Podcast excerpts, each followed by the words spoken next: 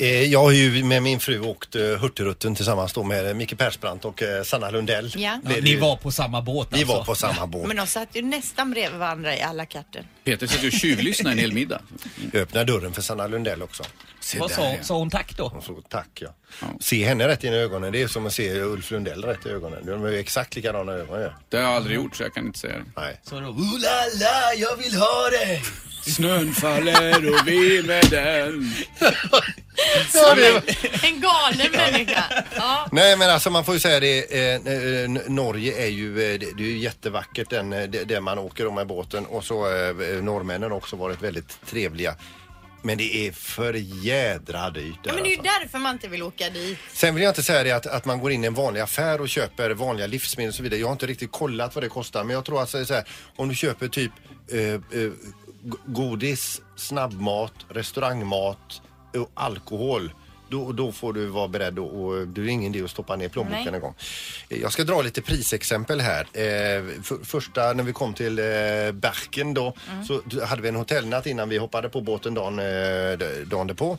Jag var ner i hotellbaren och skulle köpa upp med en öl på rummet och det får sån här eh, avlångt glas, en 30 centiliters eh, öl för 95 kronor.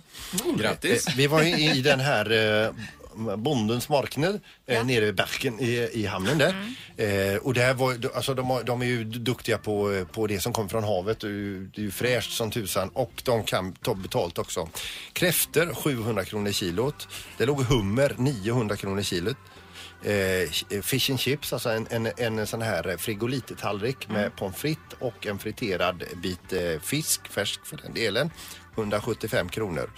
Räkklämma i en utav de här eh, fräscha eh, Någon typ lite tunnbröd då med lite gegga i och så lite räkor då. Ja, 295. Eh, eh, restaurangen på flyget, precis innan vi skulle gå ombord så här, vi gick och tittade lite grann där.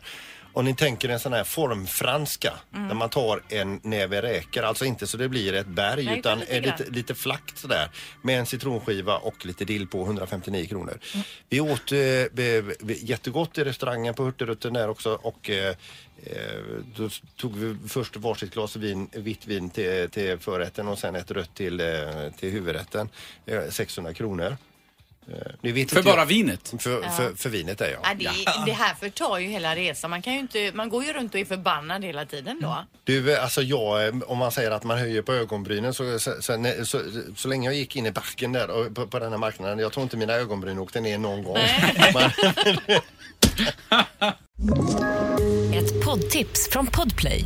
I fallen jag aldrig glömmer djupdyker Hasse Aro i arbetet bakom några av Sveriges mest uppseendeväckande brottsutredningar.